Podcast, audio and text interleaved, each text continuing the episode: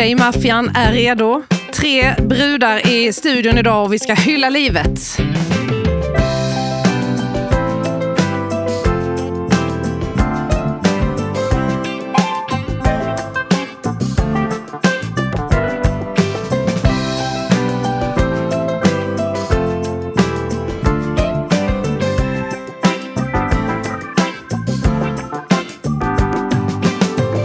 Helene Wish Persson Åsa Scharin. och till vår ära denna dag. Lena Jonborg. Så är det. Varmt välkommen Lena. Det här ska bli jättespännande och inga mer än vi vet än så länge vad vi ska prata om. Nej, men Lena har ju du och jag träffat, Åsa.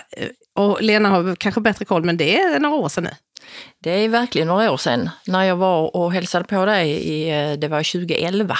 Oj, Ja. Ja. och det, Elva år sedan. oj, Ja. är det så länge sedan? Det var den 11 i 11 klockan 11, 2011. Va? är det sant? Det är sant. Det är ju Helt fantastiskt. Och det var ju då du och jag hade en serie på radion. just det. P4. Nu har vi en programpodd där vi hyllar livet, men vi verkligen vågar prata om döden. Och eh, döden är ju en typ av förlust. Och, eh, Helt rätt. Och någonstans när den inträffar, förlusten, så känner man ju en sorg. Och eh, den där sorgen kan ju bli så stor så att den äter upp en fullständigt, har jag förstått. Och Åsa, du och jag har pratat mycket om det här. Du har ju mist båda dina föräldrar och du sa Ja. faktiskt till mig i bilen här förleden att jag har nog aldrig sörjt dem. I alla fall inte klart, eller? Mm, nej, jag, jag tänker lite på det. Alltså, För det första så har jag faktiskt glömt. Jag kan inte... Vi pratade som du sa om det här och du berättade att du hade skrivit ner olika dödsdatum på dina far och morföräldrar när de dog. Jag minns inga dödsdatum. Nej, okej. Jag minns inga, inte vilka år de dog. Nej. Ehm, ja, det är faktiskt lite märkligt. Men varje Men morgon när du plockar ut eh, underkläder och, och strumpor och, och sånt ifrån din byrålåda så, så ser du dem. Ja, för då har jag ett helt plan eh, i garderoben där jag har foton på dem. Suveränt. Mm, Jättebra. det känns så fint. Så Absolut. då säger jag hej, Ja, mycket säger bra. jag till dem. Ja. Du kommunicerar med dem. Ja, det gör jag faktiskt. Datumen är inte så viktiga. Nej, jag är glad att du säger det. För att eh, många kan ju liksom säga exakt när någon anhörig har dött. Men då är det Men det- viktigt för dem. Ja. Så det är liksom inte rätt eller fel. Men för dig spelar inte datumen någon roll. Utan det viktiga är att du har dem där på bilder och kan vara nära dem och kommunicera med dem. Och du som lyssnar nu märker att Lena Oberg redan nu är väldigt klok när det gäller de här frågorna. Och det är ju därför vi har bjudit hit dig idag, Lena. För du är sorgebearbetare. Jag är certifierad handledare i sorgbearbetning. Vilket innebär att jag jobbar med en metod som eh, hjälper en att läka de där känslomässiga såren som vi får efter en förlust. Och den förlusten behöver inte nödvändigtvis vara att någon dör. Absolut inte. Det är ju det vanligaste vi tänker på. Det är ju dödsfall, skilsmässor, ja, separationer oavsett. Men det kan ju vara att vi slutar ett jobb, vi går pension. Det kan vara egen eller andras sjukdom. Det kan vara att vi flyttar. Det kan vara kränkning, ekonomiska förändringar. Oj, vad mycket det är man kan känna förlust och sorg För över. det, är- det är ju väldigt intressant det du säger, för att ordet sorg, om vi skulle gå ut på gatan här och fråga människor vad de förknippar med sorg, så tror jag ganska många ändå skulle säga död. Tror du inte det? Absolut, det är ju liksom det, det vanligaste, eller vad jag ska säga, som vi eh, dyker upp i skallen på oss. Du har ett företag där du jobbar med detta som heter Brain Spirit. Japp. Eh, och då kommer man till dig och för att man, eh, är, är man oftast mitt i det eller är det för att det har gått ett tag och man känner att man kommer inte ur det? Alltså det är lite olika för att vissa vet inte ens om att de bär på sorg. Nej. Utan det kan vara det att de känner någon form av obalans i sitt liv. Av, ja, på något sätt. De är inte i harmoni med sig själv eller livet funkar inte eller de har sina funderingar eller sådär. Så de liksom söker för att få lite guidning, för lite samtalsterapi. Och utifrån det kan det då utkristallisera sig att det handlar kanske om en massa förluster som inte är bearbetade. Och då kan man koppla på sorgbearbetningen. Då tittar jag på Åsa. Ja, Mm. för jag tänker så här också, hur hittar de till dig? om de inte vet att det är en sorg? För då är det ju du kanske som kommer på Exakt. Att de sörjer. Att i samtalet kan det liksom komma fram vad det egentligen handlar om. Men då är det inte därför de har tagit kontakt med dig, för att de, är- de är inte medvetna om att just det här de känner För vissa sorg. personer är det så. Andra kan vara klockrena och säga att jag har så mycket sorg som jag bär på. Jag vill ha hjälp med det. Och andra har ingen aning om att det de upplever inom sig är just sorg. Jag är också bara nyfiken på vad det var som gjorde att du valde denna vägen själv i livet. Att ge terapi åt andra. Mm.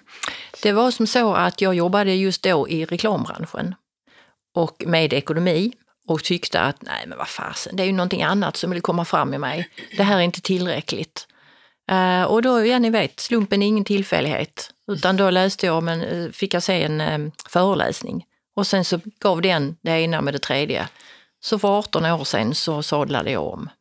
Så är det. Och det är så fantastiskt att få vara medresenär på andra människors livsresa. Det är inte jag som gör jobbet. Jag har verktyg. Men det är ju var var och en som kommer till mig. Ja. Ja, det är det som är så häftigt. men det är ju det det är. Va? Så att det är inte jag som gör det, utan det är teamworket. Och de här verktygen tänker jag att vi skulle ta och få plocka fram lite ur verktygslådan. Mm. Men kanske då den första frågan är, vad är sorg för någonting? Det finns tre stycken förbaskat bra definitioner. Och den första är att sorg är en normal och naturlig känslomässig reaktion vid någon form av förlust. Och sen så är sorg alla de där motstridiga känslorna. Och sorg är också allt det där ofullständiga känslorna som inte är kommunicerade.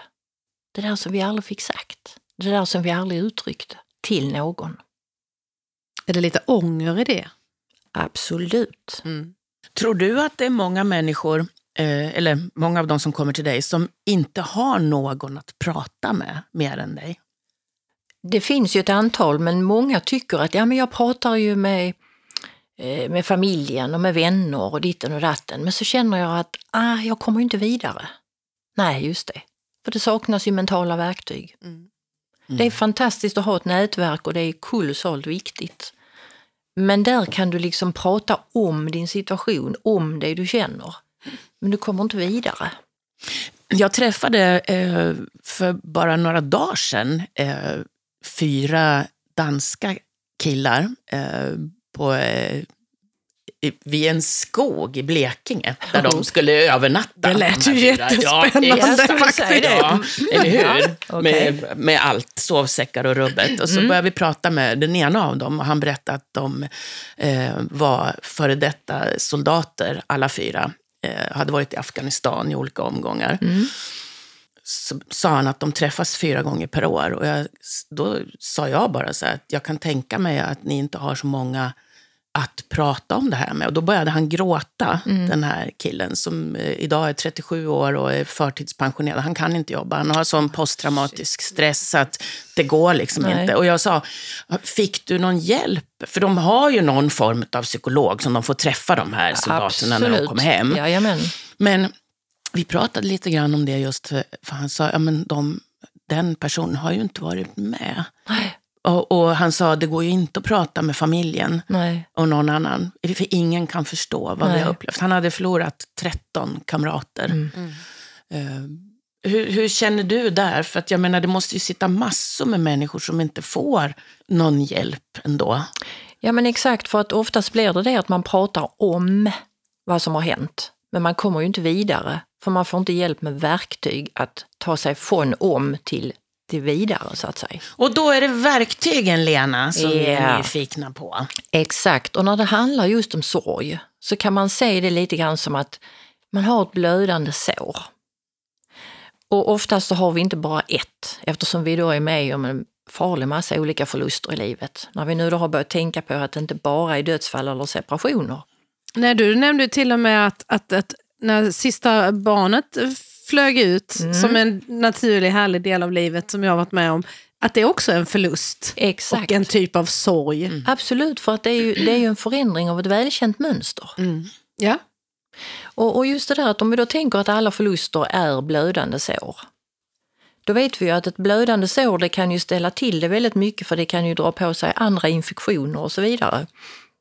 Och dessutom så förlorar du ju massa blod, det vill säga energi. Om vi då tänker att vi bär på de här såren som vi inte tar hand om, då mår vi ju inte speciellt bra. Men om vi då tar och tittar på vad är det för sår? Vi, vi helt enkelt gör en tidslinje ur vårt liv, vilka förluster. Sen väljer vi att jobba med en relation i taget. Så tittar vi på den relationen. Och så klurar vi lite på vad är det som har hänt i den här relationen? Vad är min del i den och vad är den andres del? Och vad är det för brustna drömmar och så vidare. Och sen så eh, sammanställer vi allt det här och så uttrycker vi det till den här motparten. Fast den motparten behöver inte finnas där utan det räcker att vi har ett vittne som vi berättar för. Och du är vittnet. Exakt. Mm. Så knyter man ihop och det man gör då är att man förvandlar det där blödande såret. Man läker det och så ser man till att det blir ett R. Och ett R symboliserar ju då att ja, jag har en historia, men den tar inte längre energi av mig. Men om det, om det skulle vara ens livskamrat som Mm. man har levt med och som dör och Mm. man blir helt ensam. Absolut. Hur kommer man, jag, jag tänker mig, för vi, vi har ju haft en gäst här, Ann, vars dotter dog eh, plötsligt, helt oväntat. Fem, Mm. Och det är ju ens barn halvt. dessutom. Ja, fem och ett halvt år gammal. Mm. Eh, och eh, nu är det 26 år sedan och hon sa till oss att det har bara varit tiden. Hon gick från att eh, i början de första åren, jag jobbade tillsammans med henne då, så vi var Okej. väldigt nära där. Mm. Från att bara vilja dö Mm. till nästa steg som var att hon inte ville leva. Ja, visst. Och idag så, så, så satt hon faktiskt, eller ja, när hon var med henne för några veckor sedan, Mm. så satt hon faktiskt och sa att idag kan jag till och med vara lycklig. Underbart. Mm. Men hon, Men, och, och då sa jag till, dig Åsa, men tänk om man ve och fasa skulle behöva, för det är det, det absolut värsta för mig om jag skulle förlora mina barn. Tänk om det skulle ta 25 år innan jag kan känna lycka. Mm. Det är förfärligt. Ja, visst är det Jag förfärligt. kanske inte ens blir så gammal. Och det behöver inte ta så lång tid. Nej, för då menar du att, nej, för det här med att tiden läker sorgen. Mm. Det är en myt som inte alls stämmer. För att det är så här att det är vad vi gör under tiden som går. Det är det som är bearbetning. Alltså ungefär som om, om ni skulle få punka på bilen. Då kan ni inte bara sitta kvar i bilen, titta på klockan och säga ja, om någon timme eller två så är det väl fixat. mm, Utan det handlar om vad ni gör under den där timmen eller två. Om ni söker hjälp eller att ni kan fixa punkan själv. Så det är inte tiden i sig, det är vad du gör under tiden som går. och jag tror att jättemånga människor inte förstår det du Mm, säger nu, utan man sitter där helt lamslagen av vad det nu är, ett Ja. dödsfall eller Ja. en skilsmässa som du sa, som Absolut. också, har man inte själv velat skilja sig Ja. kanske, Mm. eh, och man blir lämnad, så är ju det... Men det, alltså, tror du inte det att väldigt många bara tänker att det inte finns någonting att göra? Absolut, därför att vi har så mycket okunskap. Och framförallt de här myterna som då säger typ tiden läker alla sår. Mm. Och sen en annan grej som vi brukar ha för oss när vi är med med förlust, det är att vi distraherar oss. Vi jobbar lite extra, vi skaffar någon ny sysselsättning, vi tränar plötsligt jättemycket eller vad det nu än är för någonting. Och då distraherar vi oss ifrån det som har hänt. Att skaffa en ny partner snabbt, kan Ja. det också vara en distraktion? Absolut. Alltså ärligt. Ja, för det blir ersätt förlusten. Ja. Alltså, Innan man liksom kanske är klar. Exakt. Ni känner väl igen det där med husdjur? Ja, men skaffa en ny hund. Mm. Mm. Nej, det ska man göra när man har sörjt och bearbetat. Mm. Jag tänkte faktiskt på det, just det du sa, en, en eh, som jag är kompis med på Facebook. Deras hund dog i en olycka Ja. för ett par veckor sedan. Okej, Och sorgligt. tre eller fyra dagar senare så la de ut en bild på en hundvalp som Ja. de hade skaffat. Exakt. Då tänkte jag, De ersätter förlusten. ja, Och det gör de inte för att den första hunden inte var värdefull för dem. Utan det handlar om okunskap. Att det är så vi löser det. Men det är ju inte det, därför att vi distraherar oss, vi känner oss annorlunda en stund. Men vi är ju egentligen inte bättre. Jag tänker också när du målar upp den här bilden med de blödande såren och att vi ska liksom bearbeta det här så att vi till slut bara har ärren. Men om vi bara låter tiden gå så till slut så kommer ju såren att läka. Kroppen kommer se till att de, de läks. Men jag gissar att ärren blir långt mycket fulare. Nej men det är så här Och att det att, tar tid. att, att de här såren som du säger som läks lite av sig själv, men de är ju inte läkta läkta, utan det blir en liten tunn skorpa på det. Och sen är du med om en annan förlust och så plötsligt så triggar den, Åh, det där känner jag igen. Och så kommer det igen och så går ruvan av. Just det. Så att nej, alltså vi, vi ska till att få det att läka. Så att det blir ett ärr. För ett ärr kan du liksom känna på, men det gör inte ont. Ett sår som inte är läkt, som har en tunn skorpa, det känns. Men skulle du säga att det är samma metod eh, för alla människor? Alltså om Helen skulle komma till dig med en förlust, Mm.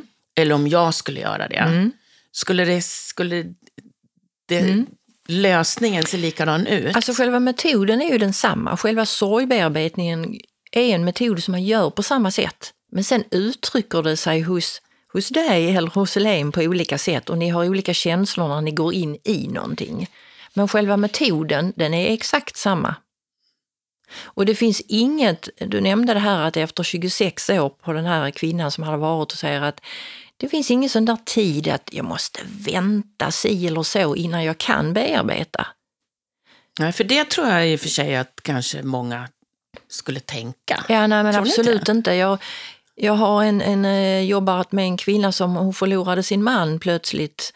Eh, Han dog och eh, hon var hos mig efter några veckor. Och hon har ju då kunnat få en helt annan upplevelse av sin sorg därför att hon har läkt den snabbare. Men kan du ge, jag vet inte om det är möjligt att kunna ge några exempel på det sättet, för jag, jag förstår inte riktigt. Vilket tänker du att du inte förstår? Ja, men just det här, hur, hur skulle man kunna, alltså, hon har kommit dit efter bara några veckor.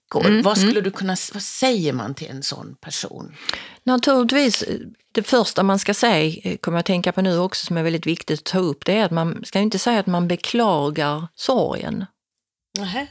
Därför att vad var det vi sa, sorg var precis, jo det är en normal och naturlig känslomässig reaktion. Ja, just det. Ska jag beklaga att du har en känslomässig reaktion? Men en förlust kan man ja, mm. så istället så säger man att jag beklagar din förlust. Mm, just det. Och sen naturligtvis prata om det. Vad är det som har hänt? Att personen får berätta det och vad som känns inom dem, alla tankar och känslor. Och sen går man på själva metoden. Man tittar på den här relationen. Vad har det hänt, som jag sa? Eh, Vad är min del? Vad är den andres del? Man kommunicerar det. Men om Det om det är ett dödsfall och vi, vi, vi sätter oss in i att det är sambon till dig, Jonas eller min man Glenn som, Mm. som, som försvinner bara hastigt och olustigt. Vad sa du att de gjorde? Ja, Dog. de dog. Det är också en sån där grej.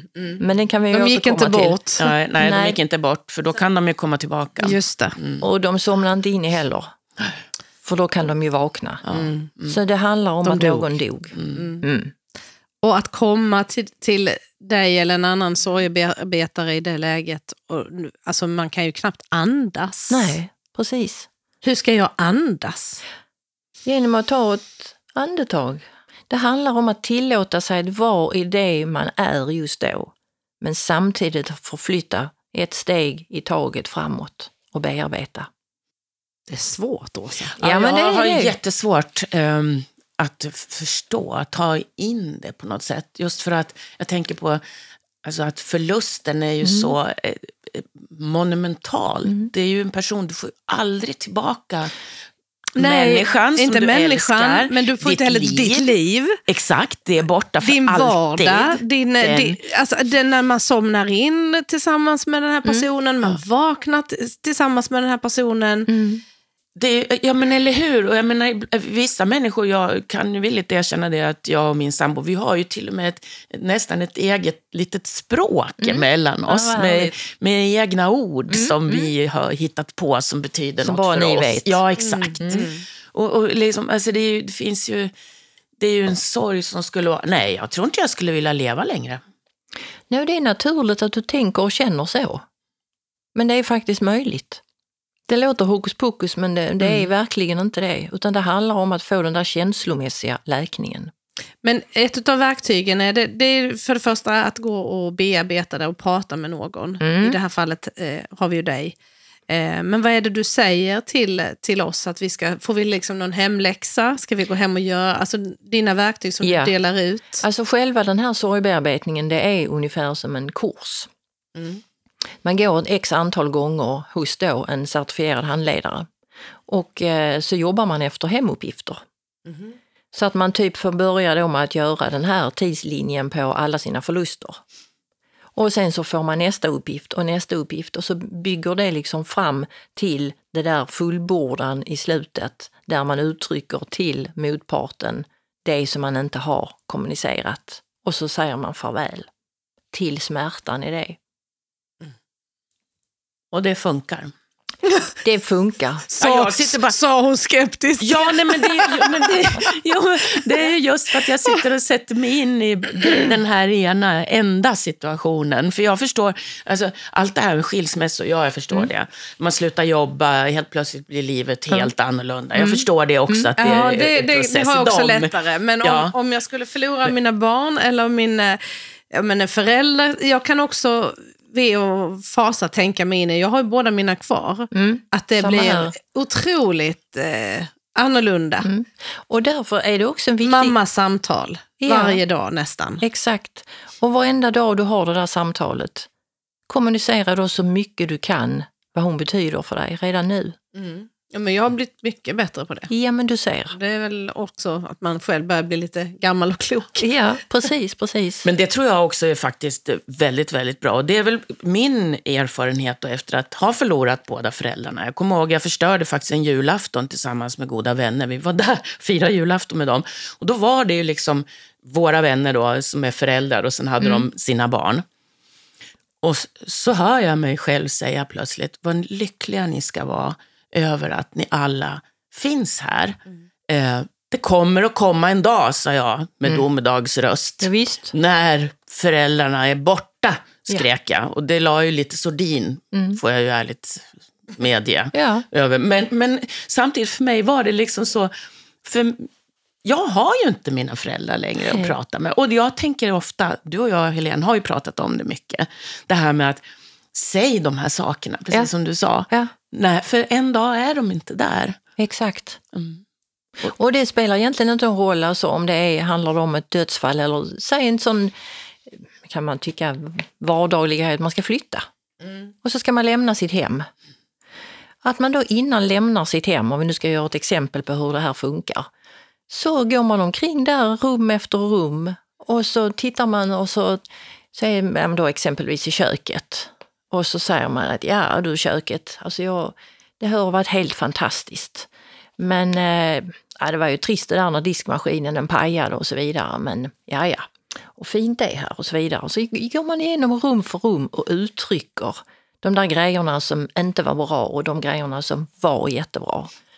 Och sen så går man och ställer sig vid dörren och så säger man nej, nu behöver jag gå vidare i livet. Så att nu lämnar jag dig huset eller lägenheten, boendet, hur man nu vill uttrycka det. Och så vinkar man farväl och så stänger man dörren och går.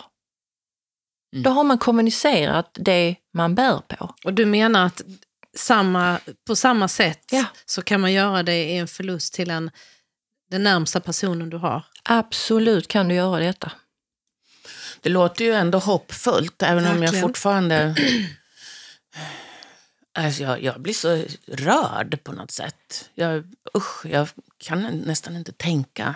Är vi bättre på att bearbeta vår sorg eller är vi sämre på? Och jag tänker på ditt perspektiv eh, sen du har varit i branschen. Ser du någon förändring på mä- mänskligheten, hur vi Alltså, tacklar saker? Kanske en aning eftersom att kunskapen om det eh, ökar. Men nej, vi är inte speciellt bra på det. Vi har våra myter, vi kör på med vår okunskap.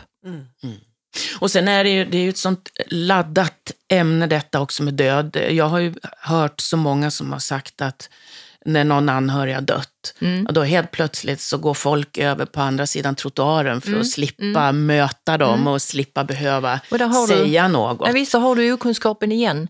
Och det, Rädslorna. ja men exakt, att det kan ju trigga deras egna sorger. Så om jag går fram och säger till Stina, men Stina hur, hur är det, hur, vad har hänt och så vidare. Så väcker det mitt eget och det vill jag inte ta tag i. Så då går jag över på andra sidan gatan istället och låtsas som att jag inte såg Stina. Där blev vi lite egoistiska. Ja, visst. Omedvetet på något sätt. Nej men det är en skyddsmekanism. Ja. Du känner ju att det gör ont inom dig om du tar tag i det. Och då ska du ju skydda dig själv genom att göra på något annat sätt. Det handlar ju egentligen om en överlevnadsinstinkt. Mm. Mm. Vi är ju för dåliga på att våga prata Ja. om sorg, död, Mm. vad det nu är. Ja. Eh, Jag kommer att tänka på här om eh, veckan så träffade jag en, eh, en kvinna som jag inte känner speciellt väl, men jag har Mm. sett henne några gånger. Och så står hon med kryckor. Okej. Och jag går fram och säger, hej, hur är det? Har du gjort illa benet? Mm. Och så började hon störtgråta. Mm. Och så sa hon, nej, jag har fått en neurologisk sjukdom. Och tårarna bara rann. Ja. Åh, hon kunde inte hejda sig. Nej. Nej. Och hon sa, men jag säger aldrig det nästan till någon, utan när de frågar, alla ställer ju den här frågan, sa Absolut. hon. Och då brukar jag bara säga ja. Men Vad är det som gör att hon vågar öppna Ja. sig då för dig? ja, jag vet inte. Jag stod ju med händerna i hennes ansikte och torkade tårarna Ja. så här på henne. Alltså, så fint av dig att ställa frågan. Ja, för att hon, hon kunde ju inte. Hon hade ju Nej. Mm. kryckorna, så hon kunde ju inte. Och då fick jag ju också, eftersom min mamma hade ALS eh, eh, i många, många år, så får alltså jag... Ja, det var... eh, Mm, jag så väcker det ju hos dig. Mm, Exakt, Men- sa ja. du hos Valde. ja. Mm, Mm. Precis. Men för mig var det ju, jag hade ju aldrig kunnat gå därifrån. Nej. Jag stod ju där sen vid hennes sida. Det här var ju någon sån här kick-off av något slag. Så. Mm. Ehm, men, men, och jag tänkte, åh vad många ändå som går, eller hur? Ja, som, och och att som- hon inte vågar. Ja men exakt, och det, det är ju lite sånt där också en försvarsmekanism att om hon säger som det är så kan det bli så att den hon säger det till inte vet hur den ska bete sig. Du får ju en boll kastad i knät Ja, på något sätt exakt. som du ska bolla med. För vi säger ofta så många saker för att få andras gillande. Mm. Om hon säger istället att ja, det, är, det är inte så farligt, det ska fixa sig snart, så får hon ju så att säga vara med i flocken fortfarande. Ja. Men om det är så att hon säger det är något jobbigt så kanske omgivningen drar sig undan. Och, och, och liksom, oj, hur ska vi hantera detta? Ja. Och då blir hon övergiven. Exakt. Och, Och då- det som hände, förlåt Lena, det som hände var för hennes man stod ju bredvid. Mm. Och jag såg ju bara honom lite grann så i ögonvrån, men han var ju helt förlamad. Ja. Ja, och jag kunde ju känna liksom att här, hon har inte honom heller Nej, nej, nej, att prata med. Därför att han har sin sorg i det hela. Mm. Exakt. Mm. Och då blir det ju det att vi kapslar in istället för att släppa ut.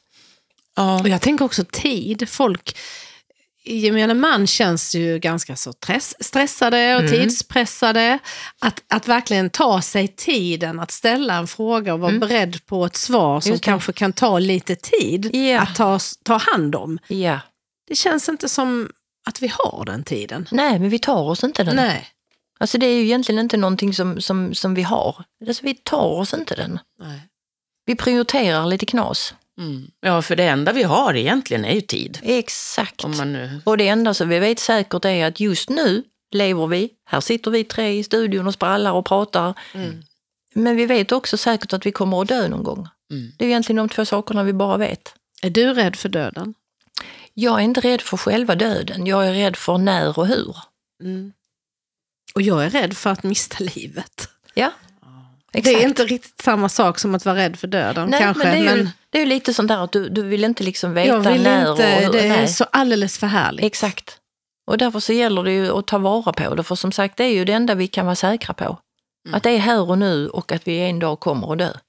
Men ni sa också någonting om att, att det, var, det var hans sorg och det var hennes Mm. sorg. Det betyder ju också någonstans att vi är liksom individuellt funtade om hur vi hanterar saker, tänker jag. Absolut, hur det framförallt yttrar sig. Ja. Därför att jag menar vissa får sömnsvårigheter, andra äter, äter inte alls. Humörsvängningar, alltså vi har ju ett jätteregister. Det är ju många som får dia, höll på säga, diagnos utmattningssyndrom, där det egentligen handlar om sorg som inte är förlöst. Du menar att alla får sorg, men att det är hur vi påverkas av den som skiljer oss? Ja, den yttrar sig ju lite olika på oss. Men du kan ju liksom läka den på samma sätt. Det här också du säger är ju väldigt intressant, för då tänker jag om man går till sjukvården. Mm. Eller hur? Många av de här, om man nu har ett utmattningssyndrom eller man kanske har fått tinnitus eller man har... eh, eh, Ja, det Ab- finns ju massor med symptom där. Ja, Och så skulle det kunna handla om någonting helt annat. Jajamensan. Nämligen en sorg. Och det kommer du ju aldrig få eh, någon eh, inom sjukvården att säga förmodligen.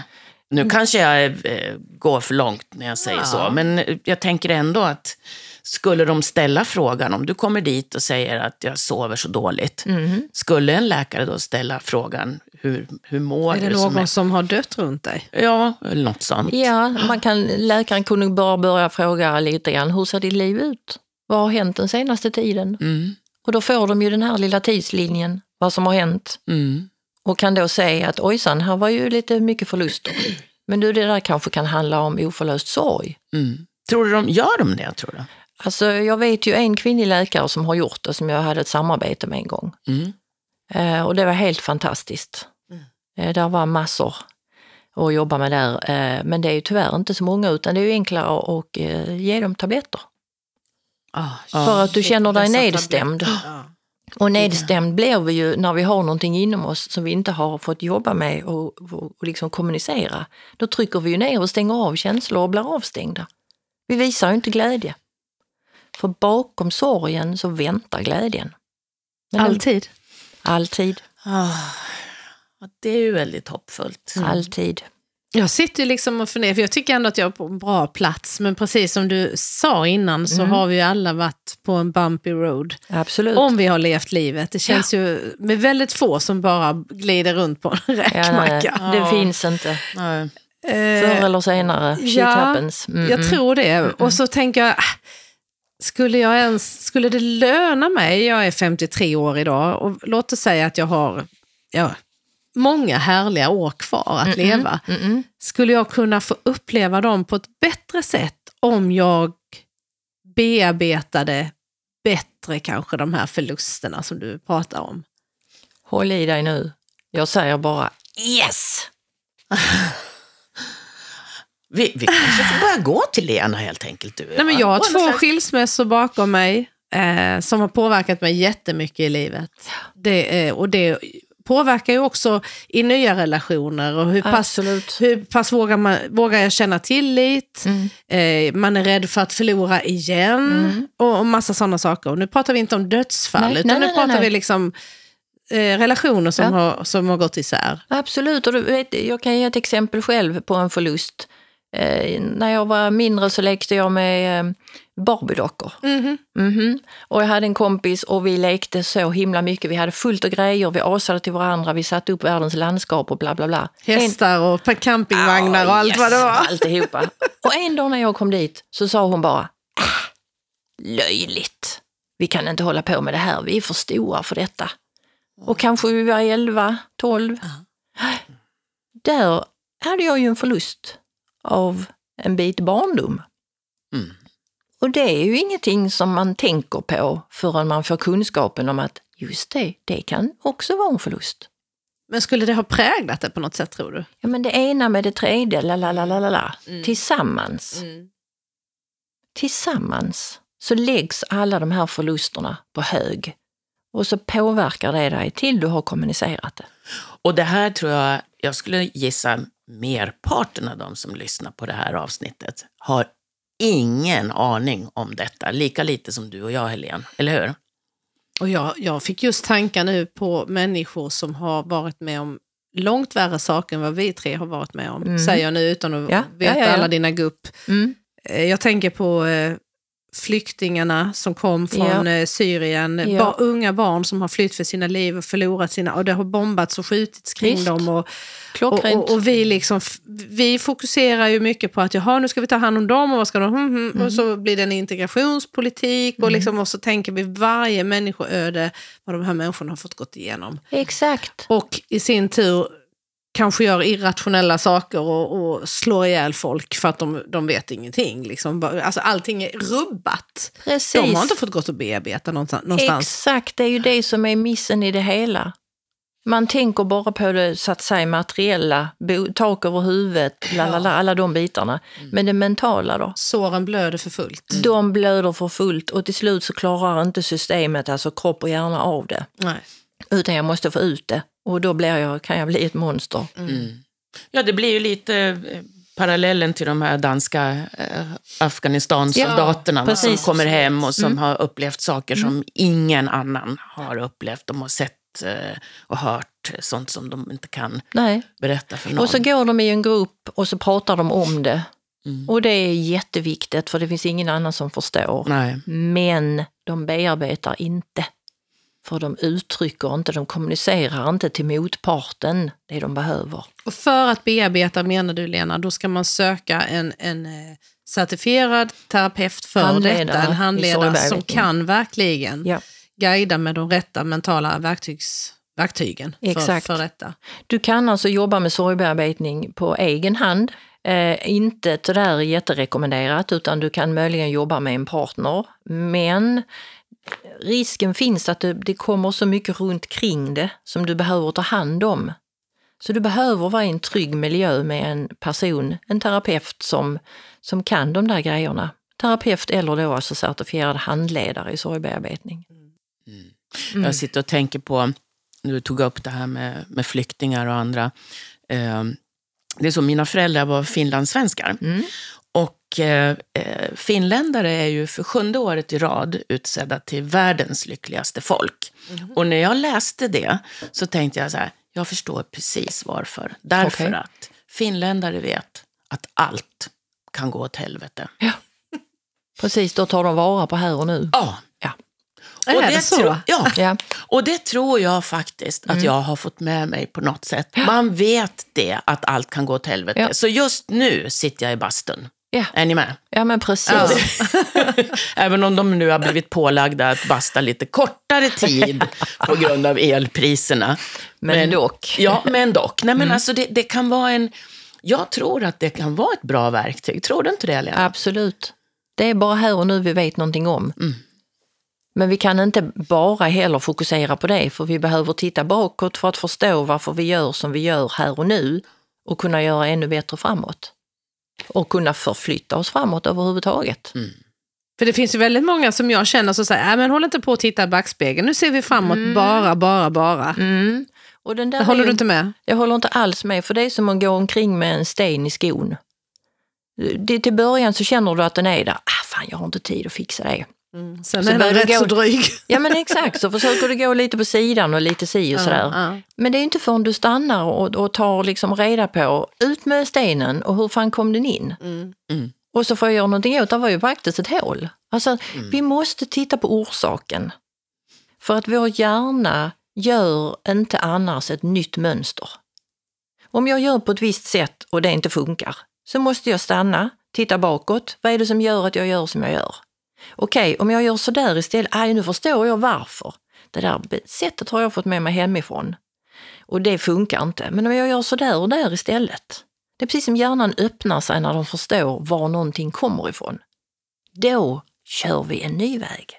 För jag hörde någonstans att man ska inte skylla på att man har fått saker med sig hemifrån från sina föräldrar, utan man ska skapa egna mönster istället om man inte är nöjd med dem. Exakt, men för att skapa de nya mönstren måste du först förstå var de gamla kommer ifrån. Absolut. Ja, och när du förstår det så öppnar sig en helt ny värld. Det här är väldigt djupsinnigt, ni inser Ja, det va? ja, absolut. Båda två. Ja, det, det gör jag. Men det är ju också det där att om man ska vara sann till sig själv så behöver man stanna upp och lyssna inåt och känna inåt. För det som kommer där inifrån, utifrån det kan jag sen vara sann mot mig själv och leva mitt liv. Så fint sagt. Det är väldigt fint sagt och jag återigen tänker på hur, hur många förstår sånt här av oss alla vanliga människor. Tror ni inte att de flesta bara går och harvar? Ja, Så det är ett viktigt samtal menar jag. Ja, absolut. den- absolut. Mm. Och jag känner att de många av dem som lyssnar kanske nu är mitt i en sorg. Mm. Eh, vi finns ju på en plattform här nu där, där många tyr sig till för att de behöver lyssna och behöver kanske prata med någon om, någon, Mm. om man inte har det. Och, eh, så ditt råd till dem, vad skulle du säga då Lena? Det är att vänta inte och sök hjälp. För det finns ingen anledning att gå och må dåligt. Det gör inte det, för det finns hjälp att få. Det finns metoder. Det, det är liksom, gör det. Och podden heter ju En hyllning till livet. Så jag tänkte bara slutfrågan Lena. På vilket sätt hyllar du livet? Jag försöker hylla det lite grann som, som jag sa precis, det här att vara sann till mig själv. Därför att jag har livet här och nu. Och om jag då lyssnar och känner inåt, det vill säga att jag reflekterar med mig själv dagligen, då kommer det upp saker. Om jag då är sann till mig själv så är det ett sätt för mig att hylla mitt liv. Mm. Och sen en grej till, det där att förstora det lilla. Vi har ju som människor en förmåga ibland att stirra upp oss, stimma upp oss för vi inte hinner med bussen.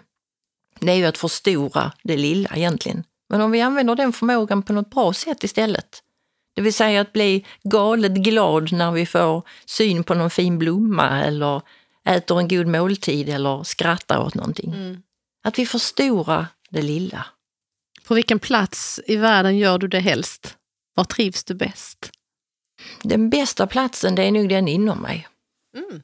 Därför att den har jag ju alltid med mig. Så om bara jag är jag och jag har med mig mig själv inifrån och ut så spelar det inte så mycket roll var jag sitter och gör det. Klokt sagt. Ja, så där klok är inte jag kan jag säga. Men du vet, Jag hade sagt Bali eller något annat. Någon härlig salsa. Nej, skämt åsido. Men det är väl, ja. Ja men det underlättar ju kanske, Ja, det eller hur? Det underlättar ju att kunna känna och lyssna inåt om man har frid omkring sig. Ja, ja, men jag skulle nog säga havet. Havet för mig är Ja. en plats som Ja. gör det lätt för mig att andas. Jag håller fullständigt Och med jag, får, jag kommer nära mina känslor. Ja, jag tror havet är viktigt för människor. ja, det är det. Jag Eller brukar hur? säga att när jag är vid havet så brukar jag kalibrera mig. Mm. Därför att vågorna, de liksom, ja de kalibrerar mina egna inre vågor. Ibland är det stormigt och ibland är det lugnt. Och, ja. Vad fint. Det. Det var så många fina saker sagda idag. Ja, verkligen. Ah, det tar vi med oss, Åsa.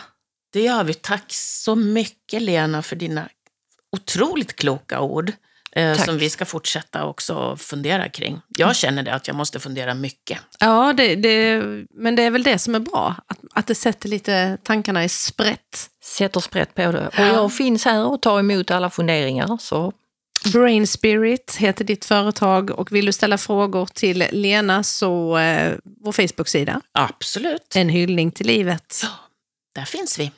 Och vi hörs snart igen. Tack snälla för att du kom Lena. tack snälla för att jag fick lov att komma. Och tack för att du är du Åsa. Och tack för att du är du, käraste Lena. Himla tackande. Ja, så mycket tack. Vi, har Vi så mycket tackar vara livet. Tack... Ja, vi har så mycket att vara tacksamma över. Jag vill Ja. tacka livet. Som gett mig så mycket. Ja. Nu då? Oj. Arja Saijonmaa. Nej, det var inte Arja Saijonmaa. Det var det väl visst det? Nej. Var det det? Jo. Okej då. Visst var det det? Jag ger mig. Jag Vi ger mig. googlar. Jag ger mig.